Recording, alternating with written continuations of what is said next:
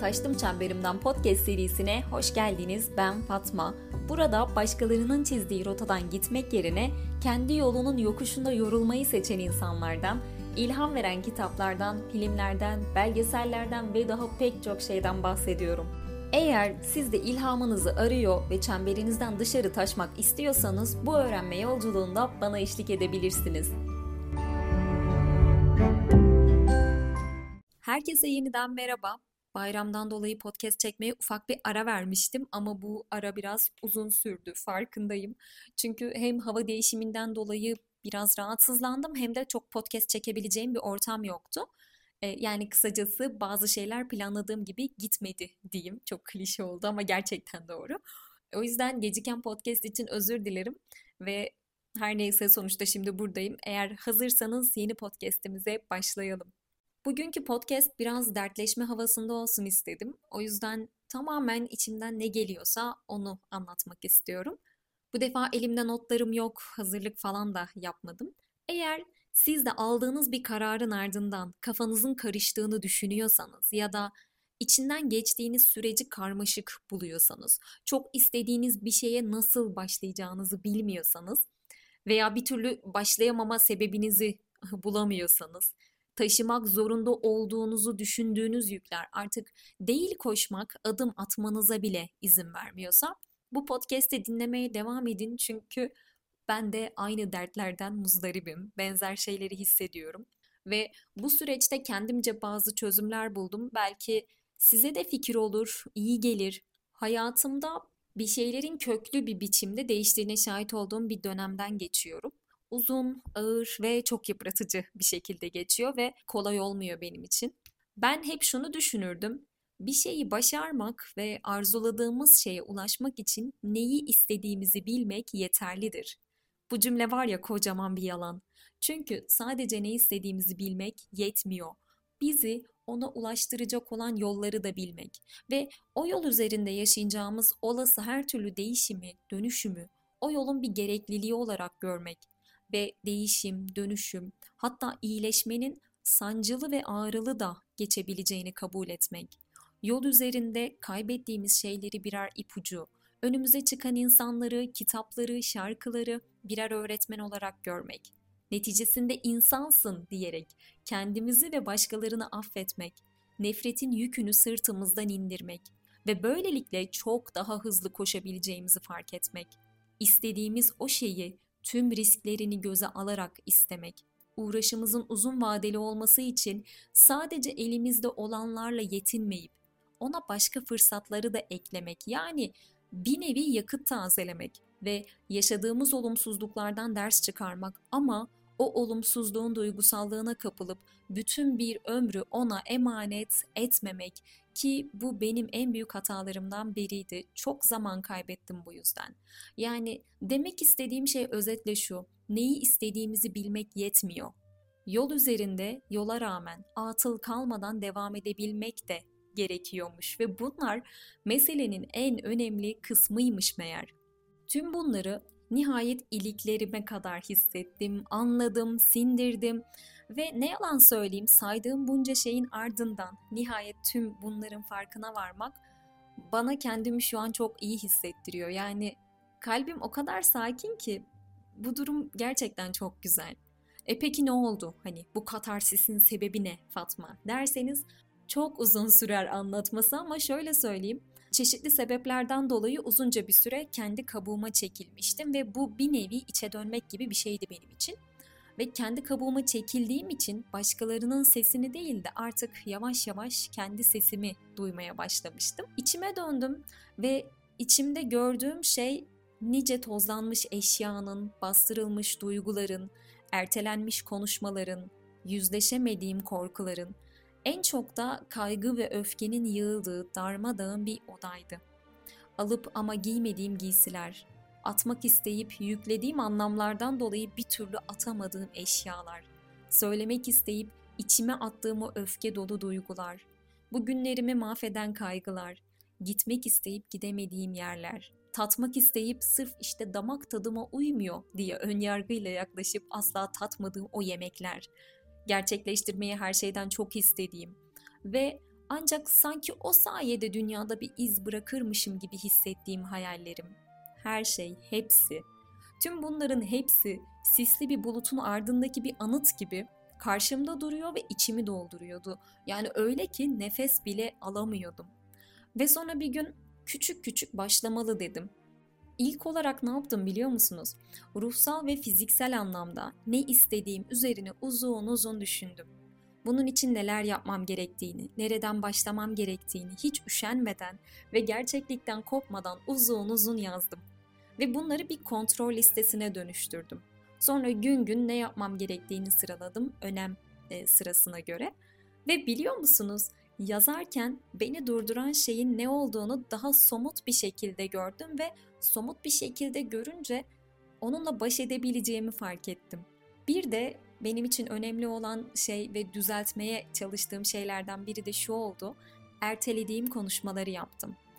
Ve o konuşmaların ardından kafamın içindeki sesler o kadar azaldı ki bu gerçekten çok iyi geldi bana. Yani bazı şeyleri atlattığınızı, geride bıraktığınızı düşünebilirsiniz ama işte o konuşmayı yapmaya hiçbir zaman işte gerek duymamış olabilirsiniz ama hayatınızın bir şekilde her alanında o konuşmalar karşınıza çıkıyor ve keşke yapsaydım diyorsunuz. Ve bir de her şeyi tek başıma halletmeliyim düşüncesi bende vardı ve bunun yerine gereken zamanlarda yardım almanın benden bir şey eksiltmeyeceğini, hayatımı tam aksine kolaylaştıracağını fark ettim. Hatta tam da bu yardım konusu açılmışken Instagram'da gördüğüm şu yazıyı sizinle aynen paylaşmak istiyorum. Ben çok sevdim ve sizin de seveceğinize eminim. Diyor ki, uçsuz bucaksız tarlalarda yüzünü tebessümle güneşe dönmüş, aydınlıkla beslenen çiçektir güne bakanlar. Güneş ne tarafa dönse yüzünü oraya çevirir usulca. Adeta dans eder güneşle tüm gün boyunca. Peki güneşin kendisini sakladığı bulutlu ve yağmurlu havalarda ne yapar ay çiçekleri? Başlarını eğip solarlar mı? Ya da o sapsarı yapraklarını döküp küserler mi hayata? Hayır. Ay çiçekleri hayat kaynakları olan güneşi göremediklerinde enerjilerini paylaşmak ve güçlerini birleştirmek için yüzlerini birbirlerine çevirirlermiş. Aslında ne güzel bir örnek bizim için. Çünkü bizler de bazen hayatta güneş görevi gören şeylerimizi kaybedebiliyoruz. Kendimizi çaresiz, umutsuz, yalnız hissedebiliyoruz. Ama bilmeliyiz ki güneş yine hayatımıza doğacak ve böylesi günlerde bizler de tıpkı o güne bakan çiçekleri gibi yüzlerimizi en yakınlarımıza dönüp birbirimizden güç almalıyız. Ve eğer böyle yaparsak bulutlardan, karanlıklardan çıkıp yeniden hayat güneşimize kavuşabiliriz. Çok güzel bir yazı değil mi? Ama biz genellikle yardım almayı gururumuza yediremiyoruz. Bunun yerine susup kendimizi içten içe kemiriyoruz ve bazen de biz omzumuza sanki böyle sihirli bir çubuk dokunacak da e, öyle hani yardım gelecek. Bütün sorunlarımız bir anda yok olacak. Zannettiğimiz için gelen yardımları da aslında görmüyoruz ki bu yardım dediğimiz şey bazen e, radyoda ansızın denk geldiğiniz bir şarkının sözleri ya da rastgele alıp okuduğumuz bir kitabın çok vurucu bir cümlesi ya da bir filmin o an sanki sadece size hitap ediyormuş gibi gelen bir sahnesi bile olabiliyor ama kesinlikle sihirli bir çubuk değil. Benim de öyle oldu. İşte her şeyi sorguladığım, içimde yığınla biriken duyguların izdihamı altında ezildiğim o dönemlerde gerçekten elimden tutabilecek şeyleri göremedim. Sırf kafama yerleşen işte o bir çubuk dokunacak her şey değişecekmiş e, düşüncesi yüzünden, bu mucizeyi bekleme yüzünden. Aklıma şey geldi şimdi. Küçük Karabalık kitabında şöyle diyordu. Siz gereğinden fazla düşünüyorsunuz. Halbuki yola koyulursanız korku size yenik düşer. O kadar doğru ki yine bu süreçte hepimizin itiraf edemesek de kanayan yarası olan aile üzerine düşündüm. Ama bu sefer korkarak değil, çekindiğim, rahatsız olduğum her sözü, her olayı, her davranışı, her şeyi düşündüm.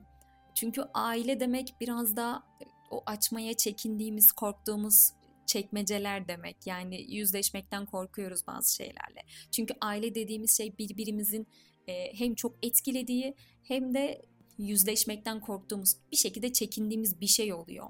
Ve ben anneme babama duyduğum o gelgitli sevginin, öfkenin üzerine uzun uzun kafa yordum. Şöyle bir cümle duymuştum bir yerden. Çocuklar anne ve babalarının kendilerine verdikleri ikinci bir şanstır. Eğer onların kendileri için gördüğü ikinci bir şans isek, kendimiz için biz neyiz? Tercihlerimizi, bireyselliğimizi, arzularımızı reddediyor bu cümle ve ben kimsenin kendine verdiği ikinci bir şans olmak istemiyorum. Ben sadece kendim olmak istiyorum. Hayallerim, tercihlerim, hatalarım, yokuşlarım bunlar sadece beni alakadar etsin istiyorum. Ve ben o süreçte yine şunu anladım. Ailemizin, arkadaşlarımızın yani bizim dışımızdaki başka insanların gösterdiği olumsuz tepkilerden dolayı aklımızı ve tüm kalbimizi koyarak yaptığımız işlerden şüphe duymamalı ya da vazgeçmemeliyiz.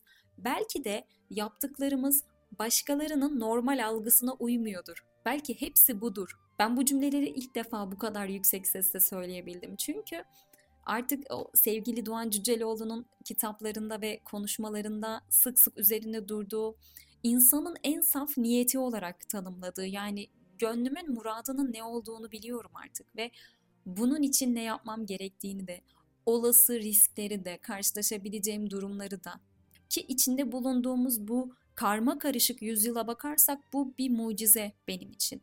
Ve farkına varabilmenin huzuru o kadar güzelmiş ki. Ve o yolda öğrendiğim milyon tane şey arasından en çok şuna şaşırdım. Güçlüysem, seviyorsam taşımalıyım, asla bırakmamalıyım dediğim çoğu duygunun, kişinin ya da olayın aslında adım atmamı zorlaştıran birer yük olabileceğini anladım ve bu yüzden güç kavramının her şeyi sırtında taşımak değil, aksine bazı yükleri doğru zamanda bırakabilmek olduğunu anladım. Yani bir zamanlar ne kadar çok sevmiş, güzel günler yaşamış olursak olalım bizimle bağını koparmış olan bir yükü neden sırtımızda taşımak isteyelim ki? Ama hep diyoruz ya başkaları ne der, ne düşünür? Yani bunca yıllık emeği, dostluğu, ilişkiyi, çabayı, işi çöpe mi atacaksın? Bu sözler çok klişe, çok rastlıyoruz ama bunlarla baş etmek gerçekten çok zor.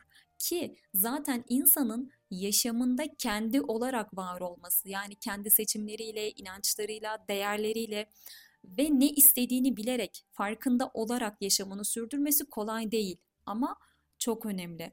Ve şöyle diyordu Viktor Frankl, yaşamak acı çekmektir.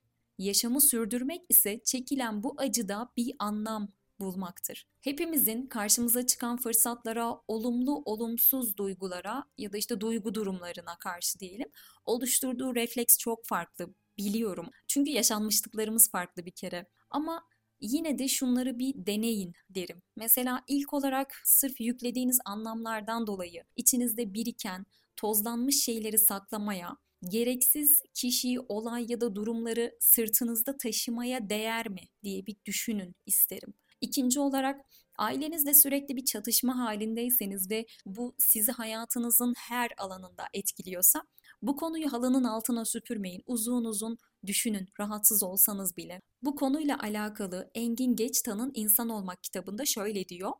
Çoğu çocuk anne ve babalarının aşırı beklentilerini karşılama gücüne sahip değildir. Gösterdiği çabaya rağmen anne ve babasının onayını kazanamayan ve onların istediği kusursuzluk düzeyine ulaşamayan çocuk giderek kendi gözünde de değersizleşir. Bu gerçekten çok doğru. Etrafınıza bir bakın. Çocukluğunda anne ve babasının gözünde değer bulamayanlar ömrü boyunca değerini başkalarının gözlerinde ve sözlerinde arıyorlar ve bu kişiler yetişkin olduklarında e, sınırlarını çizmekte, duygularını e, yönetmekte zorlanıyorlar. Hayalleri ya da herhangi basit bir şey için bile onay alma gereği duyuyorlar ve bu bizde olabiliriz.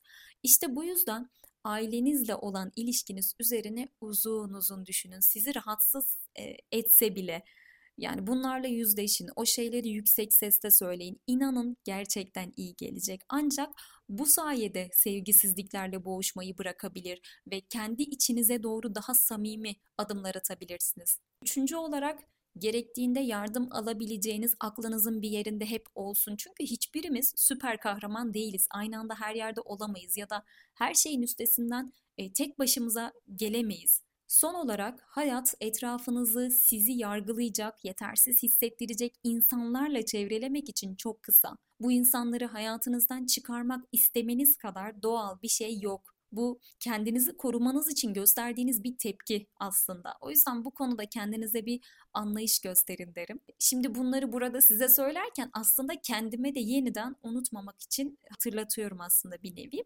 Umarım bu podcast gönlünüzün muradını bulmanıza vesile olacak bir farkındalık yaratır ve hepinize çok iyi gelir. Podcast'i Kemal Hamamcıoğlu'nun çok sevdiğim bir şiiriyle bitirmek istiyorum. Hayatın ritmini kaçırmış olsan da uyumadığın gecelerin sabahında umut var. Çiçeklerini sulamaktan vazgeçsen de azıcık uzağın yağmur. Aynı yerden sevmediğin için sevdiklerinle aynı yerde değilsin. O kadar. Bir kez daha izin ver zamana. Bir kez daha filmlere tutun, müziğe tutun, şiire tutun. Bugün ağladım ama sebebini bilmiyorum diyen arkadaşına sıkı sıkı tutun. Bir kez daha koltuğuna tutun, nefesine tutun, hatırladıklarına tutun. Uçağa binmekten vazgeçtim, yapamayacağım diyen kardeşine sıkı sıkı tutun. Dün biri yürürsen geçer dedi. Yürü yokuş aşağı, yokuş yukarı. Belki haklıdır, belki kedilerin geçtiği sokakların bir bildiği vardır. Hepinize şahane bir hafta diliyorum. Beni Taştım Çemberimden isimli Instagram hesabımdan takip edebilir, yorum bırakabilir ve önerilerde bulunabilirsiniz. Haftaya bir sonraki podcast'te görüşmek üzere. Kendinize iyi bakın. Hoşçakalın. Sanma acıtmaz dünya seni o kafeste Her gün aynı tebessüm her gün aynı beste Küçük sarhoş musun? Kaçılacak yerin yoksa aynalar bile hüzün Aşılacak dağlar önünde bak yolların uzun. Küçük mutsuz musun? Bak oyuncaklar var önünde deste deste. Hevesle yanan mum sönmez güçsüz bir nefeste. Sen korkma yeniden doğar güneş. Tut cebini de ne kaldıysa hatalarından kendi kendini kendi yerine.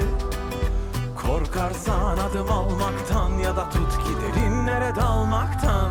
Sen korkma yeniden doğar güneş. Tut cebini de ne kaldıysa hatalarından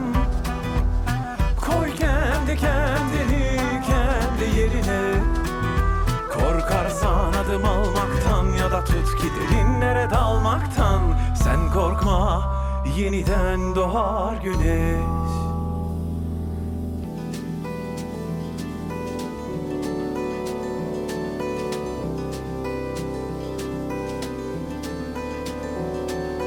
Yok mu elinden tutan ya da biraz tütün?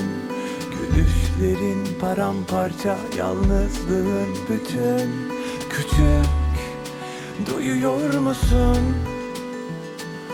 Anlamasın kimse boş ver onları biraz Sevgi nedir bilmeyen şiirden anlamaz Küçük yazıyor musun?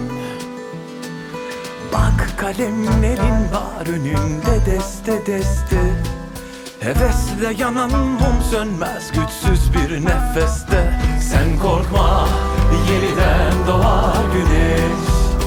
Tut cebini de ne kaldıysa hatalarından. Koy kendi kendini kendi yerine. Korkarsan adım almaktan ya da tut ki derinlere dalmaktan. Sen korkma yeniden doğar güneş. Tut cebini de ne kaldıysa hatalarından